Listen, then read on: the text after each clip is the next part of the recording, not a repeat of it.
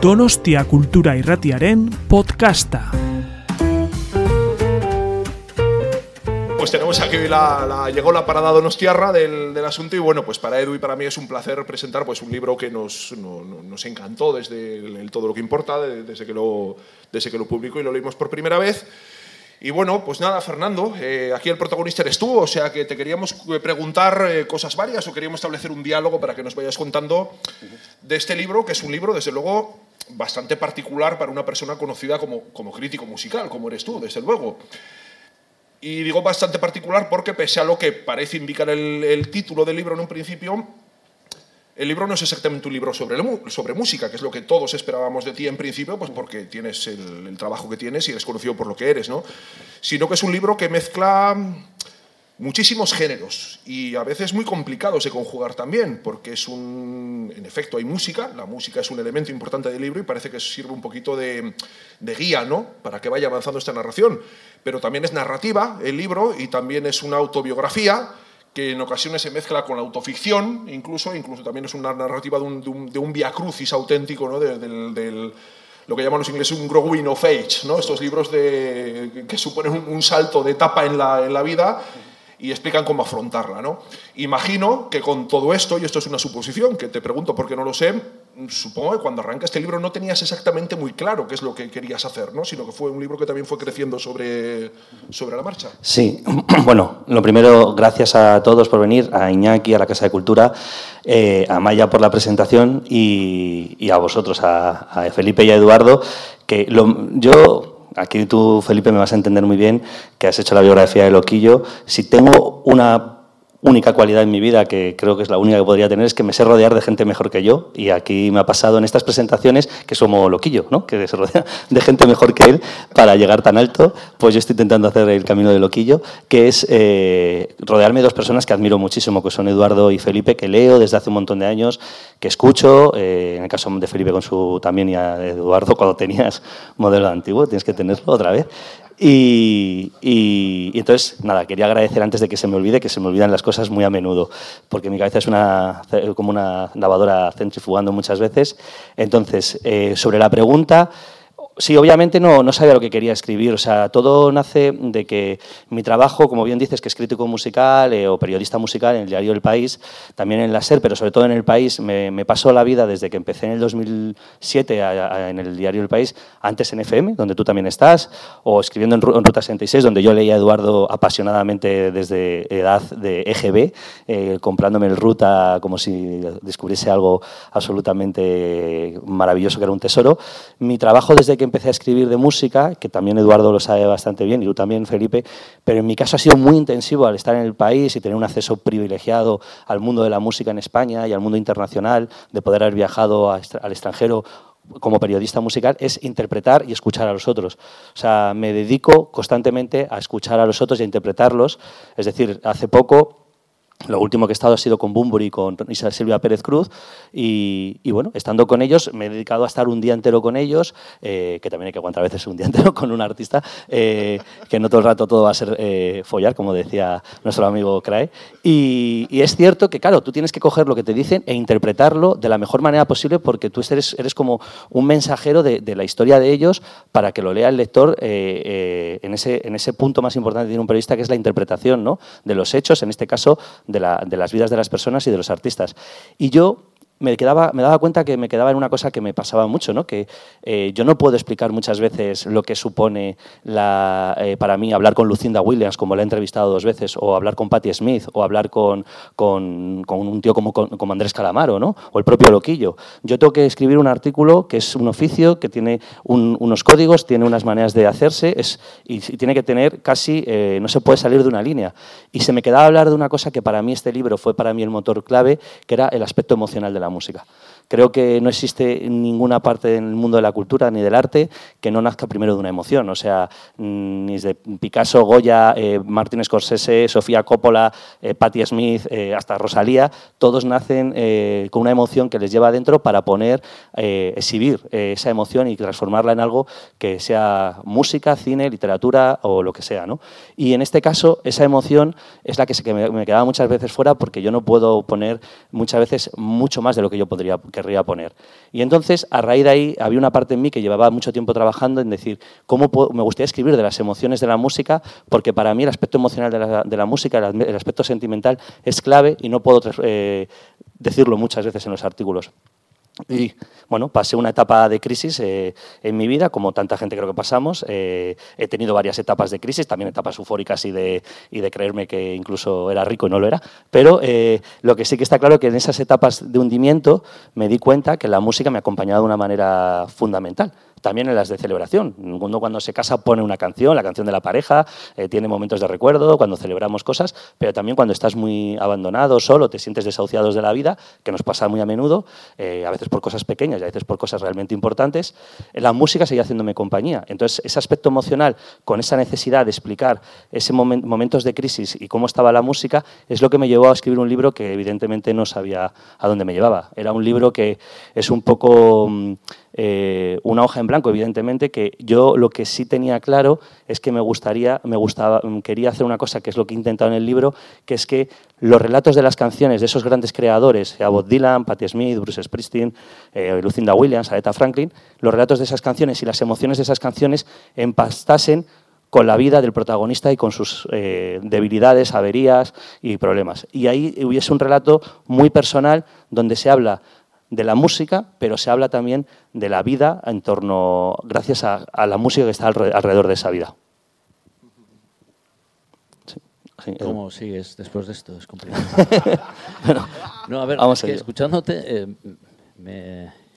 es, muy desagradable hablar de uno mismo, pero me venía a la cabeza una anécdota que me ocurrió a mí, porque yo he tenido la fortuna siempre de escribir de lo que a mí me gustaba, por el tipo de medios en los que he colaborado.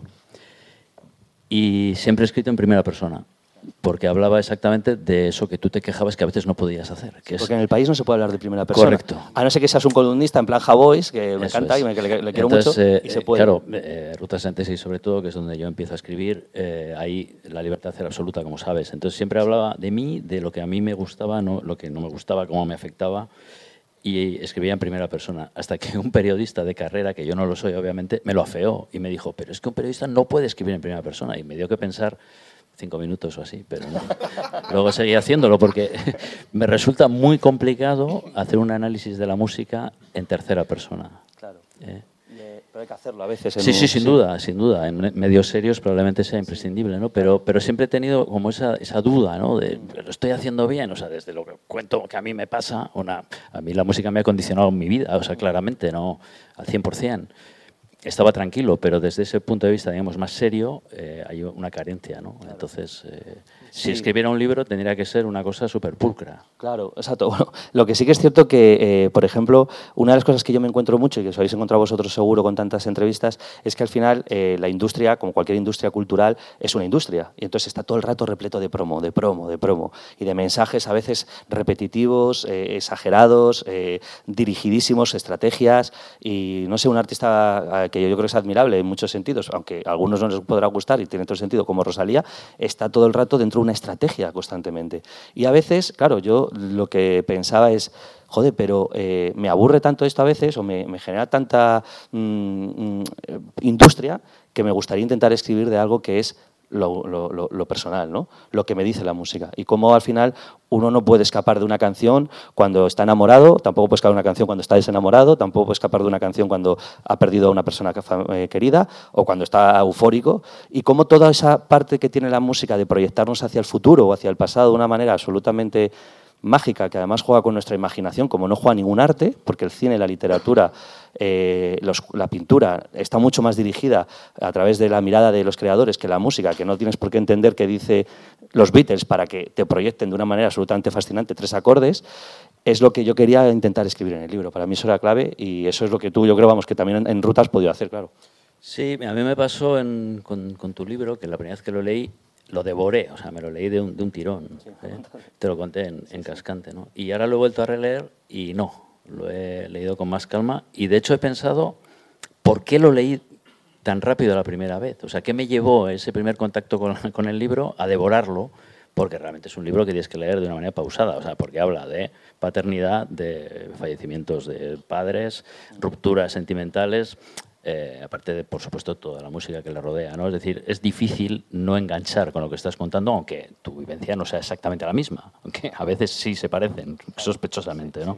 Es que es asquerosamente más joven que nosotros. Entonces Sí, a ver, es que tampoco era necesario sacar el dato, porque no va a acabar bien para mí. Pero, pero es verdad, o sea, es, es curioso esa reflexión, ¿no? De decir, ¿por qué devoré yo este libro? O sea, porque te engancha, evidentemente, pero no merece ser devorado, merece ser degustado lentamente, ¿no? Sí, yo añado también que yo también cuando, cuando me cayó en las manos el libro me lo, me lo devoré de sentada. Pero también, y esto no te lo dije en su momento, pues por, para que sigamos siendo amigos, había pocos libros que me pudiera dar más pereza leer.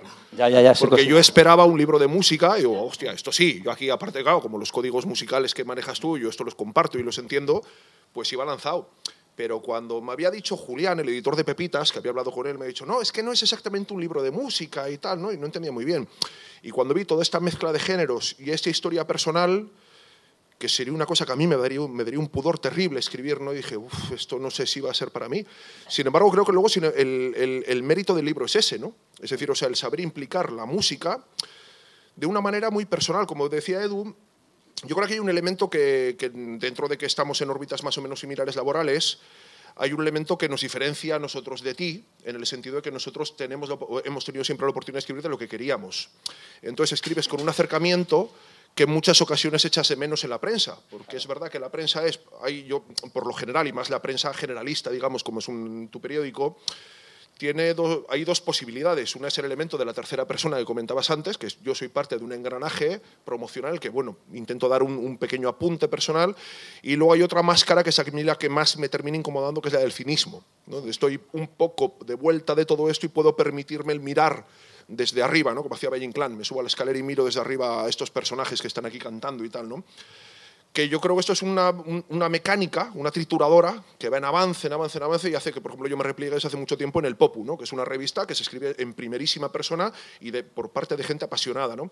Y creo que había aquí un elemento fundamental, que era esta introducción de la música casi como una especie de, de guía, decía antes. ¿no? O sea, son el, el- el andamio que va sujetando todo el, todo el engranaje, pero, en efecto, para desarrollar una historia que bueno, que tú siempre dices que no es exactamente la tuya, no es exactamente auto- No, autobiográfica. no es fácil de creer eso. Pero no se lo cree nadie, claro, empezando por nosotros dos. Claro, sí, sí, pero bueno, tampoco es relevante. Es que realmente, eh, realmente creo que, yo no creo que a ningún músico se le pregunta constantemente, ¿no? De todos los que nos gustan, Dylan, son en las, en las canciones eh, le han pasado a él, no le han pasado a lo, que- a lo bueno, a lo que yo no las compone, o sea, no vale. Eh, pero vamos, quien las componga, ¿no? Eh, la pido, ¿no? Que nos flipa. Te pasa esto, realmente estás siempre tan, tan, tan triste, tan no sé qué, o tan preocupado. Entonces, eh, yo creo que lo bueno del arte y de la, de la literatura, en este caso, de la ficción o la autoficción, es precisamente jugar con eso. Sobre esto que dices hay dos cosas. Por un lado, eh, claro que yo, me, yo sabía que me exponía mucho, ¿no? Tampoco me, rayé muchísimo. Tuve un montón de crisis ex- existenciales que solamente me, podía entenderme a mí mismo porque lo pasaba mal, porque tampoco lo quería compartir con mucha gente, porque no, no, no soy como umbral que voy hablando de mi libro, ¿no? y menos si no lo había terminado y pensaba que a lo mejor ni se iba a publicar, pero yo decía, no sé si me estoy exhibiendo mucho, si parece que me estoy exhibiendo de más, si importa, o sea, esto sí que es verdad que ese pudor, pero había una parte que eh, en el mundo que nos movemos hoy en día, yo decía, pero a ver, Vamos a ver. Hubo un momento ya, cuando ya tenía la crisis total, que pensé, primero llegué a pensar en poner, yo digo, si pongo aquí que este tío es banquero o es un músico, la gente se va a olvidar de que soy yo. Y digo, pero yo quiero poner a un tío que lo está pasando realmente mal y que se siente perdedor con la vida. Y digo, vale, puedo poner un músico perdedor. Digo, pero ¿qué, es ¿qué hay más perdedor que un músico? Un crítico musical. Joder, pues ya está.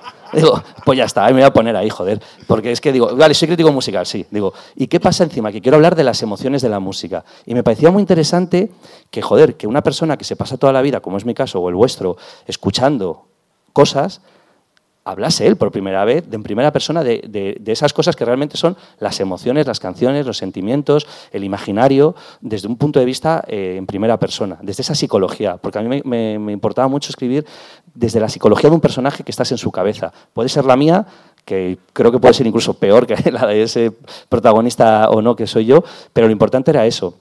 Y luego vivimos en una, en una sociedad ya que yo decía, cuando yo entré en la última crisis, que ya no sabía qué hacer, porque yo digo, hostia, me da, no sé, la autoficción es una palabra que me da también muchísima pereza, ¿no?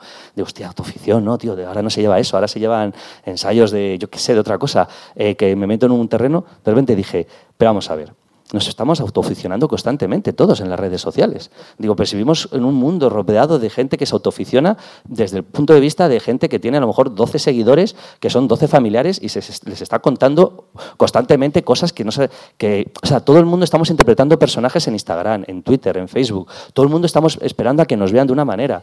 Y ya no te hablo de Rosalía o, yo qué sé, o Tangana o gente que tenga muchos seguidores. Te hablo de gente que, que lo hace con sus entornos de, de trabajo, intentando decir todo el rato eh, que su vida está eh, mucho mejor de lo que está.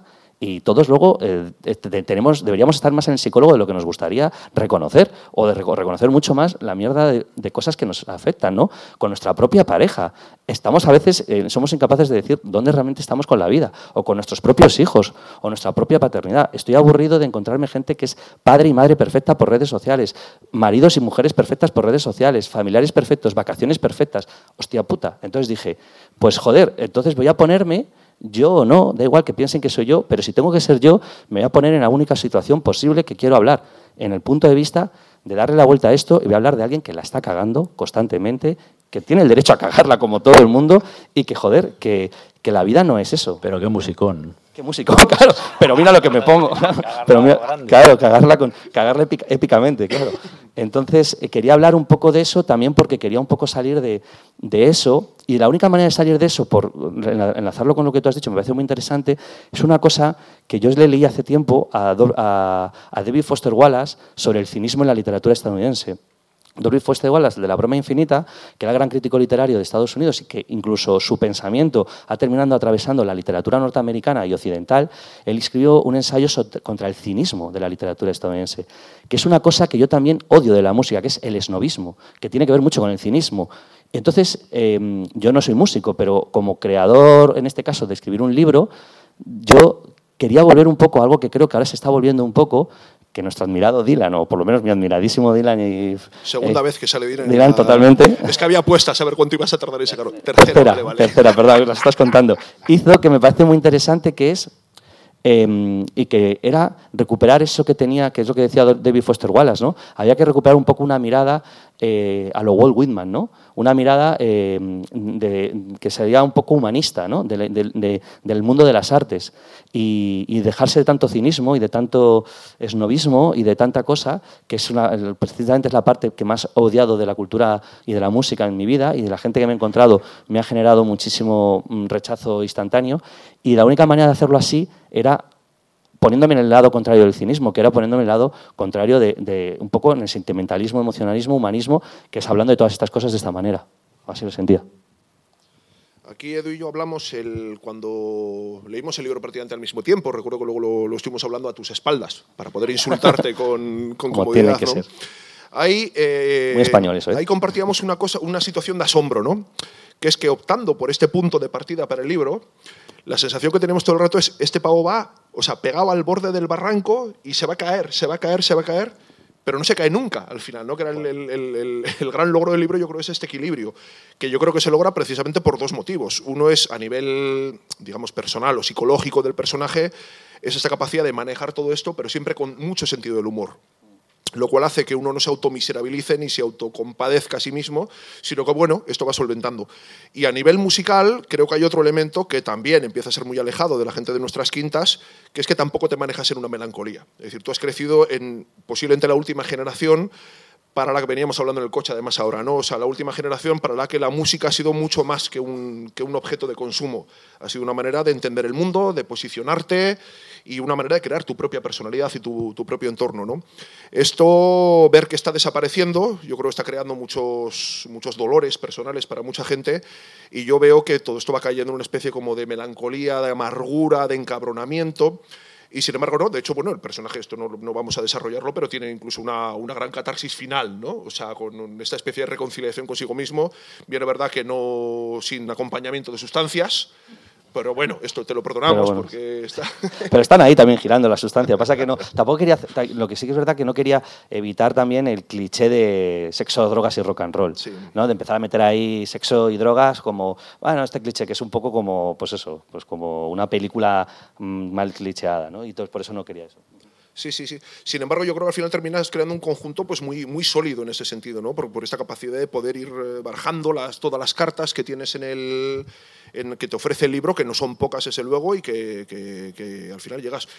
Eh, una pregunta que te iba a hacer al hilo de todo esto. Y luego, ¿cómo, ¿cómo cuentas esto a tu entorno cercano? Porque hay gente de un entorno muy cercano que se puede ver muy agredido también en ocasiones, ¿no? Sí, totalmente. Bueno, esa es la otra gran crisis, de, yo creo, de, de todo el mundo que escribe, ¿no? También, pues bueno, pues que se lo digan a, iba a decir a este que tantos conocemos, pero vamos a poner otro artista, que se lo digan a Lou Reed o yo que sé, a tal. No, lo que sí que es cierto que sí, hay que tener, yo creo que responsabilidad ante eso. Eh, a mí le escuché a un, a un, escritor argentino eh, creo que era Alejandro Zafra, si no recuerdo mal, que, decía, que dijo en una entrevista que escuché cuando yo estaba escribiendo el libro, que dijo, en literatura no se pide permiso, se, eh, se pide perdón. Y me pareció bastante importante porque es la única manera que se tiene de avanzar. O sea, no, nadie habla de los conflictos emocionales y los conflictos de, de, todo, ¿no? Los conflictos de clase, los conflictos culturales, los conflictos de, de, familiares, sin entrar en terrenos resbaladizos. Pero yo creo que cualquiera que lea el libro, o esa era mi intención, no, todos sabes cuando hombre, entran cosas que pueden ser de un formato privado, pero tú sabes que las, estás, las sabes cuándo las puedes contar haciendo daño o cuándo no. O sea, es como cuando alguien te da una, una, crítica constructiva o negativa. A mí cuando me han dicho tu artículo no me ha gustado, pero veo que es constructivo, pues lo entiendo. Pero cuando me dicen tu artículo es una puta mierda y tú eres un gilipollas, pues no lo entiendo. Pues, o sea, es así. Entonces, es como, es un poco lo mismo al escribir. Entras en terrenos resbaladizos, pero es que no hay otra manera de entrar en esos terrenos, porque nadie entra a hablar del desamor o de una ruptura sin que haya daño ya, si es que ya la ha habido, nadie entra a hablar de la muerte. O sea, no puedes pensar en escribir para los demás, solo que para ti mismo. O sea, y para ti mismo es para lo que tú necesitas escribir, sabiendo que, que, que es una responsabilidad escribir de, de algo. Entonces, eh, si tienes clara la responsabilidad, pues bueno, es, es peligroso, pero, pero yo creo que es la única manera de hacerlo, no sé, eso es así. Luego, Fernando, hay eh, una cosa, o mi impresión es que varios de los protagonistas, en este caso femeninos, eh, al final irradian una enorme bondad. O sea, tu antigua pareja, tu madre, al final cierras el libro y dices, hostia, qué guay. Bueno, sí, a ver, yo... Eh, o sea, es decir, que al final sí. pueden ser sí. damnificados en algún momento, ¿no? No, no en el caso de tu madre, pero... Uh -huh cierras y dices, hostia, esta gente existe también. Sí. Y ha existido siempre y, claro. y, y, no tiene el protagonismo que merece. ¿no? Claro, ya. Y esa es una lectura que yo saqué del libro en la segunda lectura que, que me congratuló bastante con él, porque yo también apetece leer estas cosas. O sea, no, y, y no, no hay un sentimentalismo detrás, o sea, no, en ningún momento, pero la conclusión es esa, ¿no? Dices, hay gente realmente buena, que irradia bondad claro. y, que, y que contagia bondad, ¿no? Y bueno, a mí eso me, me sedujo bastante en la, en la, segunda lectura de estos días. Pues me gusta mucho que digas eso porque hay una frase que para mí es clave en el libro, que me acuerdo que Rafa Cervera, que es amigo nuestro también conocido, eh, lo comentó en, en, la, en la presentación de Valencia, que es la que dice la madre, podría ser mi madre, pero la que dice la madre, que dice que lo más importante en la vida, no te olvides antes de morir, que es la bondad, ¿no? Y la bondad es un ejercicio de compromiso absoluto, como, ¿no? No la bondad para ser buenos en redes sociales o para parecer que somos mejores de lo que realmente nos comportamos, ¿no? Y claro, esa bondad que hay ahí no es una cuestión de querer poner personajes buenos para nada. No, yo creo que es, claro, es un... Todo el rato el libro está atravesado para mí, que era mi obsesión, en darnos cuenta que que somos, eh, eh, realmente eh, somos muy dueños de nuestras decisiones y nuestros comportamientos. Y ser buenos requiere un compromiso. O sea, si tú te puedes llevar una vida absolutamente que parece buena, pero te estás comportando como un cabrón constantemente en muchas tal. Entonces, para mí, esa bondad se tenía que estar transmitiendo a través de personajes que estaban alrededor del personaje principal que son mejor que él en, en, en, diferentes cosas de la vida, ¿no? en cosas prácticas, en cosas cotidianas, solo que él no es que sea peor, peor persona porque es mala persona, sino simplemente porque bueno, las canciones nos hacen vivir en un mundo imaginario y fantasioso que no nos permiten eh, tener herramientas para la vida cotidiana, porque si viviésemos dentro de una película acabaríamos como Carlos Bollero, ¿sabes? Que es broma, que es maravilloso, que es que le quiero un montón. Carlos Bollero me refiero que acabaríamos dándonos cuenta, como tanta gente, que, que la vida cotidiana va por un lado y la, vida imaginaria o emocional que nos ofrece el arte y la cultura va por otro. Y claro, esas herramientas de la vida cotidiana son las que te hacen mantenerte en pie, eh, construir una familia o una vida eh, mejor con tu pareja o lo que sea. ¿no? Y por eso esa bondad estaba intentando estar siempre planeando en torno al protagonista. Está, está en, Hay un momento que le dice la mujer al protagonista, eh, si tuviese, eh, no tienes pájaros en la cabeza, tienes canciones. Pues eso, tienes canciones en la cabeza, pero al mismo tiempo tienes un montón de lugares donde te estás dando cuenta cómo puedes hacerlo para ir bien por la vida cotidiana o intentar ir lo mejor posible. Hay otra frase que me gustó mucho, que no es tuya, que es de Calamaro, que es la de la vida es corta, pero es ancha. Me pareció buenísimo. buenísimo. Sobre todo cuando llevas cuatro porros eh, a lo Calamaro. Lo menos que lleva Calamaro en el... en Lo el- Calamaro viene de, de fábrica. Se cayó en la olla como Belis. Oye, por cierto, es una cosa curiosa que acabas de mencionar a Carlos Bollero. Eh, creo que si hay un personaje no infratratado, sino peor todavía, en la literatura, el cine, la música, es la figura del crítico. No deja de ser curioso que el año pasado, al mismo tiempo, aparezca el documental sobre Carlos Bollero, que a mí me parece una película muy importante en ese sentido, porque habla del, del- del cine, pero desde otro prisma diferente, y al mismo tiempo aparece tu libro, que es, yo creo, la confesión más abierta que he leído nunca sobre una persona que se, que se dedica a esto. ¿no?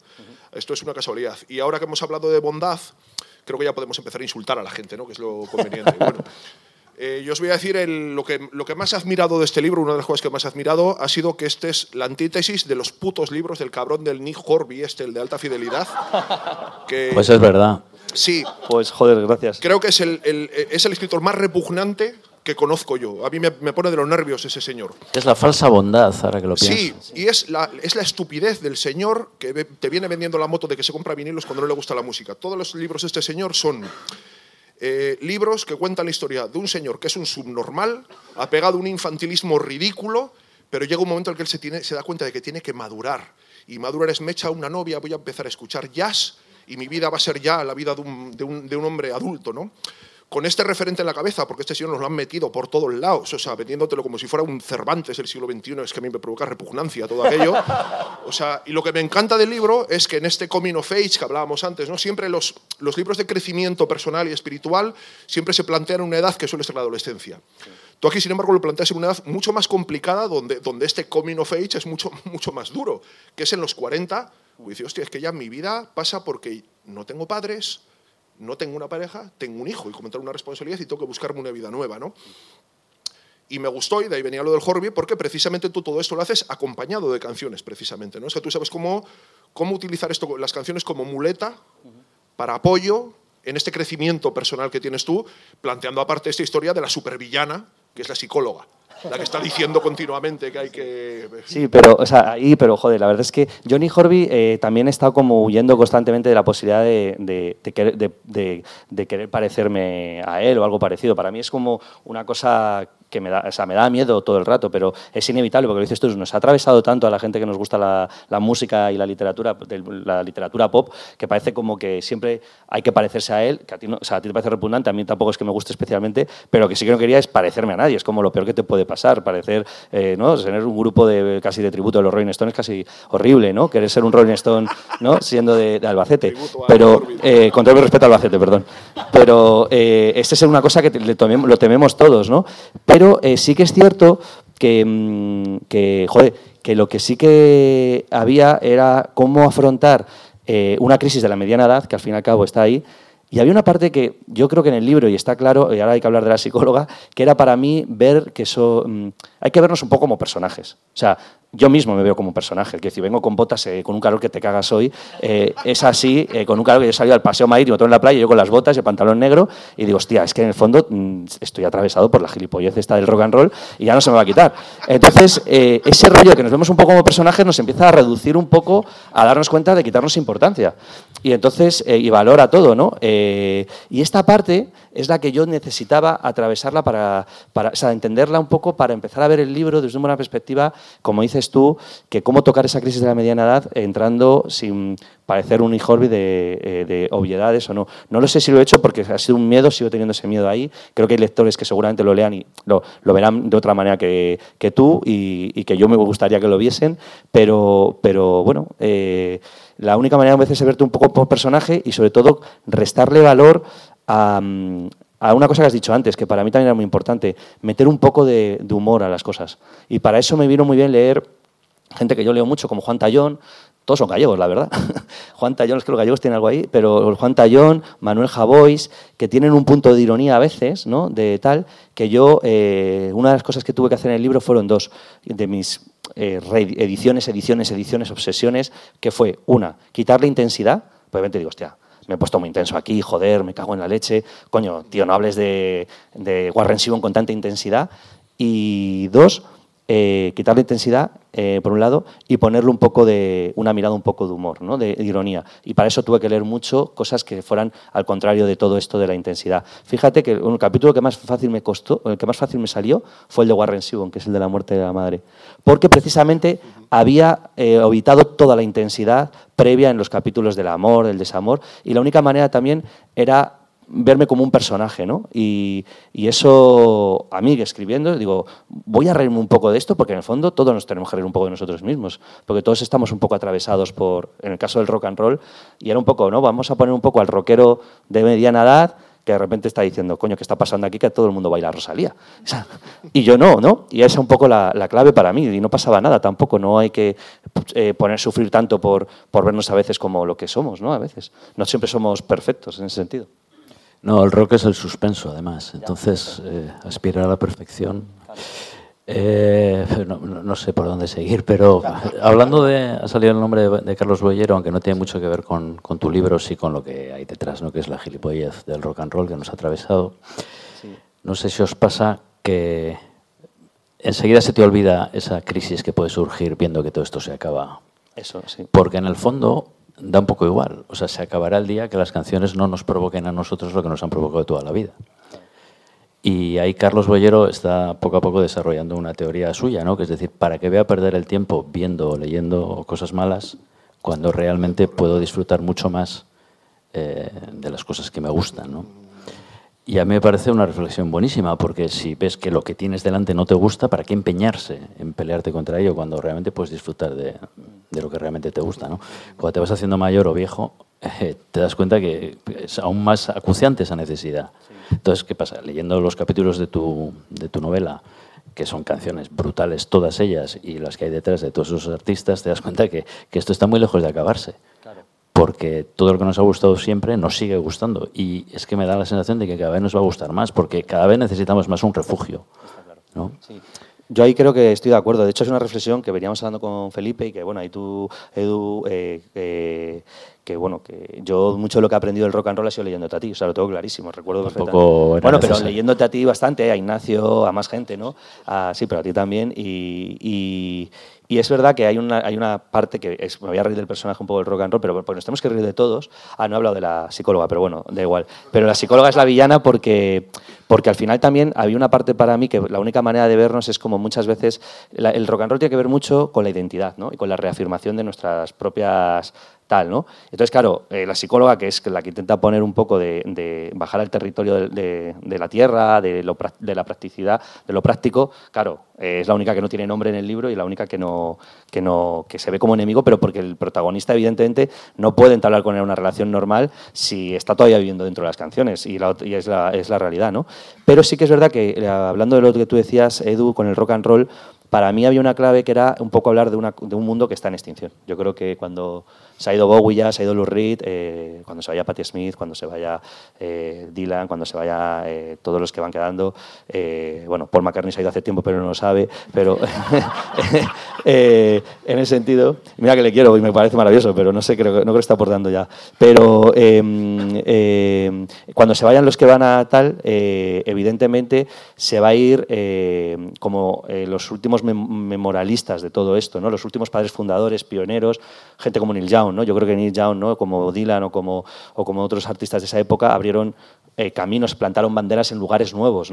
Y, pero es curioso, porque tú dices que no se acaba, y yo creo que tampoco se va a acabar. Yo estuve hace poco en Nueva Orleans y hablas con la gente de Nueva Orleans y el jazz fue eh, la música que dominó la primera parte del siglo XX. y ellos dejaron de ser relevantes el jazz dejó de ser relevante y el jazz no se ha acabado. Ahora mismo yo creo que hay una escena de jazz contemporáneo que yo cada vez estoy intentando fascinarme más con ella porque creo que, hay, pues yo que sé, ves a Kamasi Washington y tiene, una, tiene algo absolutamente espectacular, ¿no? Pero claro, Kamasi Washington no es John Coltrane sacando a Love Supreme en los años ¿sabes? No, no, no, no, no, atraviesa el discurso cultural, no atraviesa la psicología de los tiempos. Igual que ahora, si sale un discazo de, yo qué sé, Fire Misty, evidentemente no tiene el impacto que tenía el disco de los Beatles o el disco de Dylan, ¿no? Entonces, no es, a mí no me da, no lo veo con una nostalgia de esto es mejor que lo que viene, porque no creo que sea mejor ni peor, es que es imposible, es que seguramente que un, chaval de los años 30, en los años 60, eh, ese ya con 60 años diría, yo no entiendo a estos tíos de los Rolling Stones haciendo gilipollas cuando yo estaba viendo a a, los bluesman de verdad o a los, a los de jazz de entonces. ¿no? Y es cierto, es que es así. Los códigos cambian porque cambian las generaciones. Y yo creo que no tenemos que ser tampoco tan reduccionistas, porque yo tengo un hijo de 11 años y solo espero que, que, eh, a lo que acceda tenga algo que creo que sí que cuesta más, pero no, no, le podemos echar la culpa a la música, sino a los tiempos y a la cultura en general y a cómo estamos, yo lo que veníamos hablando, de que por un momento lo que empiezo a notar, y ojalá me puede nos podamos equivocar o yo me equivoqué y cambien las cosas, es que la música actual eh, ha perdido algo que sí que noto que se ha perdido con el que sí que tenía el rock and roll. Que el rock and roll, Edu, y leyéndote lo he visto mucho, era una filosofía, tenía una cuestión de ética que luego todos han vendido al capital, no digo que no, pero de transformar las cosas. Totalmente. o sea, porque los tiempos, o sea, porque no hay ahora mayos del 68. No hay ahora, eh, la gente no sale a manifestarse como salía a manifestar antes. No hay sindicatos importantes como había antes. Y hablo de verdad con total, o sea, eh, el rock and roll fue relevante porque en los tiempos había eh, situaciones relevantes. Sí, pero y comunitarias. Yo pienso que aunque no haya todo eso, lo que sí hay es la, la certeza de lo que está bien y lo que está mal. Y eso no cambia. Sí, lo que pasa que, claro, a mí lo que me preocupa es que yo, mi hijo que acceda a la música como tenga que acceder y sea un tangana o un fulanito vendrá, todo, yo, no, yo me sigue, mi trabajo me hace estar entendiendo a todo esto. Yo otro día entrevisté a un músico que se que es un rapero de 21 años en Argentina, que me parece flipante porque el lenguaje que tiene ese tío eh, para, con Argentina es brutal. O sea, habla. Y me sigue pareciendo flipante porque me está explicando cosas de Argentina y no me las explica Charlie García, sinceramente, que está, o el Calamaro, que está fumado todo el día. O sea, entonces, interesa mucho más porque este tío tiene muchas cosas que contar. Pero lo que sí que es cierto que el rock and roll, creo que como algo, como el discurso o lenguaje dominante y comunitario que iban todos en una dirección a intentar, intentar transformar las cosas, eso sí que ya eh, va a desaparecer cuando desaparezcan los últimos. Sí, totalmente. Lo que pasa es que yo mantengo cierta esperanza y es ver que algunos artistas de estos pioneros, al final de sus vidas, consiguieron hacer mm, música eh, grandiosa. ¿no? Por ejemplo, el caso de Johnny Cash probablemente fue lo mejor que hizo en toda su carrera. Los últimos discos que hizo Chris Christopherson, ¿no? que todavía está vivo, pero es decir, todavía nos pueden dar alguna sorpresa, algunos de ellos. No sé si Dylan. No me atrevo a, apostar. ¿eh? Yo no me atrevo a opinar. En ese sentido, todavía nos podemos agarrar a ello, ¿no? Eh, que no es eh, la fuerza dominante musical, cultural, el rock, sí, eso es evidente, ¿no? Pero tampoco pasa nada. No pasa nada, pero a lo mejor no se lo vosotros, pero a mí me preocupa, o sea, yo no me, a mí no me pasa nada, yo creo que ya está. Pasó con el jazz, pasó con el blues, eh, ha pasado con un montón de cosas, pero y con eh, corrientes artísticas de otra manera, eh, ya tampoco el cubismo es la corriente dominante en la pintura, ¿sabes? Y en un momento que los franceses estaban ahí todos que se corrían con este tema, pero ahora lo que sí que noto es que em, falta mensaje contracultural. O sea, falta, o sea, yo creo que desde que alguien como tal vez Nirvana, que sin, quererlo ellos eran contraculturales, o sobre todo los, los Clash y este tipo, el punk, o sea, falta ideología por eh, no querer pertenecer al sistema. Porque la contracultura era intentar acabar con la cultura dominante, que siempre está dominada por las élites. Pero es que ahora las élites ya no tienen que controlarla solamente, que las controlan, sino que a través de las redes sociales, de los móviles, el individualismo, o sea, han roto tantas conexiones de comunitarias yo no conozco ningún chaval, yo llevo 16 años en el país, ningún becario que entre y diga que quiere formar parte del sindicato. Quiere formar parte de, tal cobrar como, como el que más. Digo, no, olvídate, de eso no va a llegar ya, tío. O sea, olvídate, están, se están cargando casi a Bollero y a, cargándose al, otro y al otro. O sea, eh, tú no vas a, beber eso. Tú, es, todo aspiracional. Entonces, eh, el rock and roll o la música o la cultura no trataba de ser aspiracional y ser, eh, llegar a, a, la cúspide, como veo que está pasando ahora, sino trataba de intentar acabar con eso para intentar buscar un mundo mejor que nunca llegaba, pero a veces sí llegaba, ¿no? A veces poco a poco sí llegaba. Bueno, personalmente sí que te, mejoraba el mundo, ¿no? A nivel personal seguro, ¿no? La, vida ancha de Calamaro. Al final la música te lleva a las películas, te lleva a los libros, te lleva a una visión de la sociedad. Esta, bueno, al menos hablo una vez más a título personal, ¿no? Pero creo que, que puede ser una enfermedad relativamente compartida, ¿no? Pero sí, pues ya cuando la contracultura está en Icon, pues es difícil esperar que salga algo de ahí, ¿no? ¿Eh? Oye, como creo que ya se nos acaba el tiempo, yo te quería hacer una pregunta un poco comprometida. Espero que no me odies por, por ello. ¿no? Todo lo contrario. Es que yo, eh, leyendo el libro, llegué a pensar si podía ser un intento, o bueno, un intento, no, tampoco es la palabra exacta, ¿no? Un paso eh, de creación de un personaje, que seas tú a partir de ahora. O sea, que cuando ya escribas tú tus textos, ya tengamos que verlos pasados por el filtro de ese libro. Pues aquí voy a citar a, a Bob Dylan.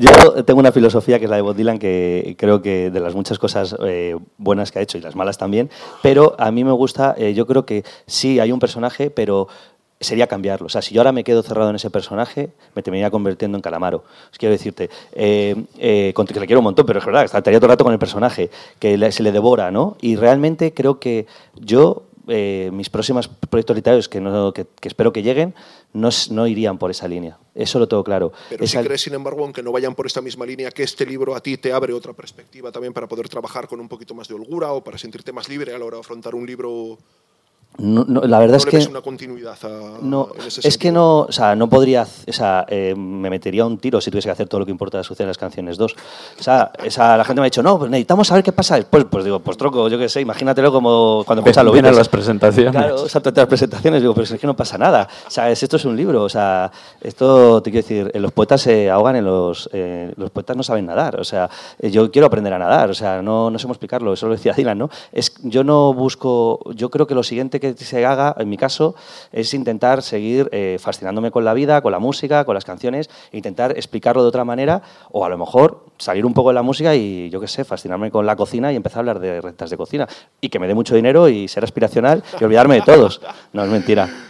Oye, Fernando, ¿y se te puede preguntar por él si estás escribiendo algún libro más o tienes algo en perspectiva? Que no sé si esto es top secret y lo tienes que mantener ahí o puedes revelarnos. Sí, no, la verdad es que, joder, pero esto es como si yo fuera aquí Vargas Llosa. Estamos esperando tu próxima novela para ver si hablas de la Presley. Eh, eh, necesitamos saber. No, la verdad es que estoy con un libro que no, que lo es. No, yo no soy, yo no salgo nada ahí. O sea, me refiero, yo mis pensamientos que están en otro territorio, que me parece una historia fascinante en todos los sentidos y, yo creo que la clave está en, buscar siempre proyectos que, que, te hagan, sean retos y te hagan aprender y, cambiar un poco el cliché, ¿no? O sea, convertirte en un cliché creo que es el, el peor de los casos. O sea, que o sea, que no, no, no lo puedo contar, es que no puedo contar lo que es tampoco. y ahora que nos quedan un par de minutejos, eh, ¿le preguntamos por qué le apareció el concierto de Dylan o lo dejamos correr? es que ahí discutimos. es que está deseando hablar de Dylan, básicamente. Su libro le parece importante, pero el concierto de Dylan le parece más. No, bueno, yo sé que. No sé, porque a ti no te gustaba. No, sí, a mí, a ver, claro que me gusta Dylan. Ah, actual, digo, actual, digo. El actual menos. Menos, ¿no? Menos. Me parece interesante. Eso. Pero bueno, o sea, desde luego no soy un, ferviente yihadista de la religión Dylan. O sea, no, yo ese rol Mohamed Atta dilanero no. No, exacto. yo, yo, no lo cumplo. Pero... No, yo tampoco, pero no he comprado con nada, ni con The Springsteen, ni con Bowie, ni con nada, ni, ni, ni, nada. Lo que pasa, yo eso a veces sí que juego más en, en, las redes sociales, porque también hay un punto que me parece muy, muy interesante, muy de tocar un poco las narices, ¿no? Eh, claro, las redes sociales lo que te encuentras es todo el rato cretinos con un altavoz eh, dando por culo con todo, ¿no? Entonces no puedes, da igual, porque o sea, yo escribí, escribes a favor de Dylan, eh, puto polla vieja, tal, al día siguiente escribes a favor de Rosalía, eh, puto vendido, no sé qué, tal, o sea, te ha comprado Sony, el otro te ha comprado Warner, y tú, Dios, hostia, ojalá me comprasen todos y me dejaba de hostias.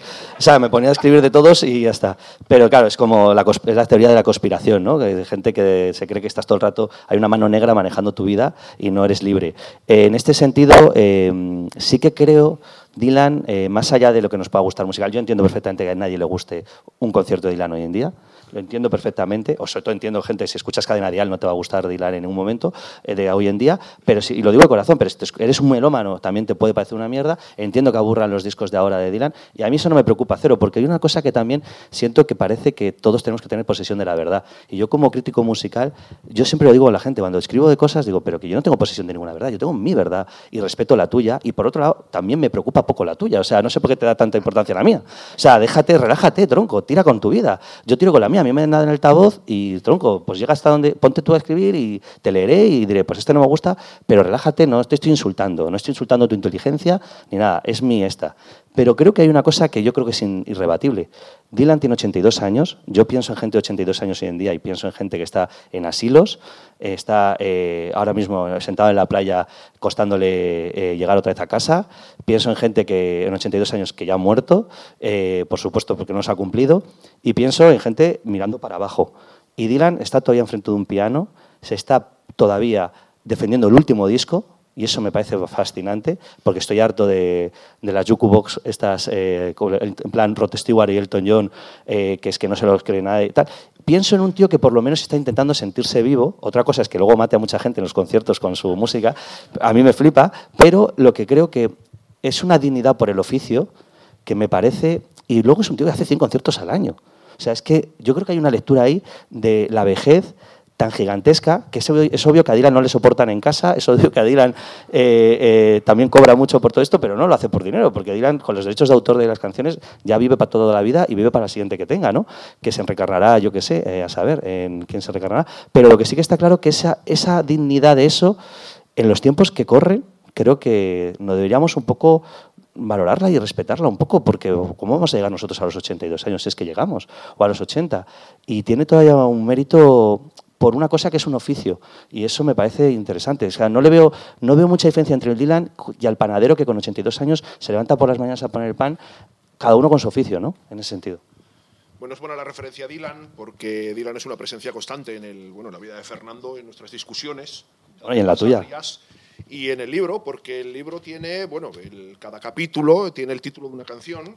El primero arranca con eh, Working Man Blues, número dos, una de las últimas canciones de Dylan y el, último, el capítulo 15, en un, en un exquisito ejemplo de, gusto de Fernando, es Changing of the Wars, ni más ni menos, ¿no? que, es con, que es con lo que cierra el, el libro. y además hay una referencia. Enorme y muy poco valorado, en mi opinión. Street Legal. Vamos, por descontado. Y tiene aparte una. El libro arranca con una cita de Dylan, precisamente, que yo creo es muy, muy ilustrativa de lo que viene después y que te abre un poquito la perspectiva, que dice: Una canción es algo que camina por sí mismo que creo que es algo que se puede aplicar a, también a este libro y a esta, y esta historia. Y con lo que tendremos que terminar ya, ¿no? Porque aquí tienen unos chicos que tocar y, ah, y esta gente se cansará. Una última reflexión, que es, eh, hablabas antes del crítico musical como perdedor y demás. Y esto es una exhibición de lo contrario, porque vienes aquí, te sientas con tres amigos, te partes la caja y encima te pagan, tío. O sea, de verdad. Porque es que eh, lo, es algo que, porque hay que ponerlo en valor. El fracaso vende de alguna manera. ¿verdad? Tú vienes a meter tu, tu, mierda y te ven mal y te dicen, bueno, no, tal, para arriba. Pero sí, no, esto es una pasada. Muchas gracias de, de, verdad por haber estado aquí, por vosotros, por este tiempo. No, hombre, gracias a ti ha sido una fortuna y bueno, yo os quiero recomendar a los que no hayáis leído, que sé que hay muchos que habéis leído el libro ya, pero bueno, los que no lo hayáis tenido en las manos, es un libro extraordinario. A mí de lo mejorcito que leí el año pasado, la verdad, el, por un libro mm, con este efecto sorpresa, además continuo que te vas encontrando y un libro, sí, sorprendentemente sólido, desde luego. Más para, bueno, luego hay un problema aquí, esto ya son estas cosas internas, ¿no? Pero cuando normalmente cuando escribes en un periódico, en medios, con cierta frecuencia, te ves habituando a la dinámica está un poquito ratonera del artículo breve, ¿no? Entonces el momento de pegar el salto al texto largo no es, un, no, es lo mismo, como decía el otro de un amigo, no, un libro es como hacerte 30 artículos, que tú te los haces así en una noche, no, no lo mismo, lo mismo no es, ¿no? Y era un reto complicado, pero creo también de que de todos tus libros este era desde luego el más, el, más ambicioso, quizás sin serlo a priori, totalmente, ni mucho menos, y el más arriesgado, desde luego. Mm. O sea que bueno, yo os quiero animar a que lo leáis, de verdad, que es un libro que se disfruta muchísimo y bueno, pues aquí Edu y yo que somos muy lectores y muy ratas de estar ahí todo el día, pues nos lo devoramos de tirón. Y por sí, yo no, no, conozco a nadie que no, le haya gustado y al contrario, la reflexión es la, contraria, es decir, eh, valga la redundancia, la gente se acerca a él con una cierta eh, duda y lo termina y dice, hostia, está de puta madre. ¿no? Pues voy a contar una cosa súper rápida. En un, en un este de literatura había, una, había una, una lectora por ahí por Twitter que eh, se puso muy pesada con que lo reseñasen en un sitio que se llama Todo, Todos tus libros, o no sé, bueno, un sitio, un blog de literatura que reseñan todos los días un libro, no sé qué. Porque ella decía que quería que se reseñase porque necesitaba saber qué le parecía a ese blog. Tal. Y yo digo, bueno, tal, digo, esto tendrá mucho mejor que hacer que reseñar. Al final acabaron reseñándolo como meses después y, y, lo, y la lectora me hizo una mención como, ya lo tienes. Y yo, estaba aquí, llevaba cuatro meses esperando el momento. Eh, tal, y lo meto y había un comentario de alguien que, no, que ponía un mal comentario al libro, pero me moló mucho porque digo, digo, hostia, ¿cómo es la vida? ¿no? La pone, era otra mujer y ponía, no me creo al protagonista nada, porque esto de que la peña se ponga tantas canciones es una flipada. O sea, ta, ta".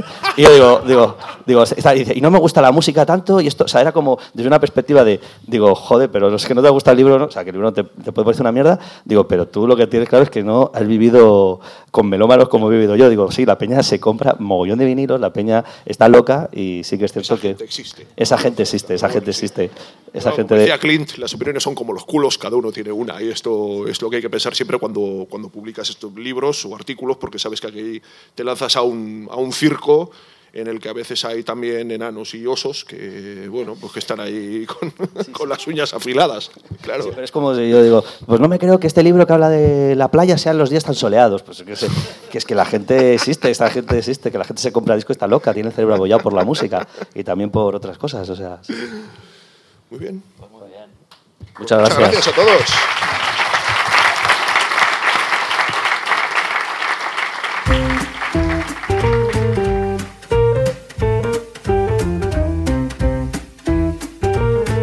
Donostia Kultura Irratiaren podcasta.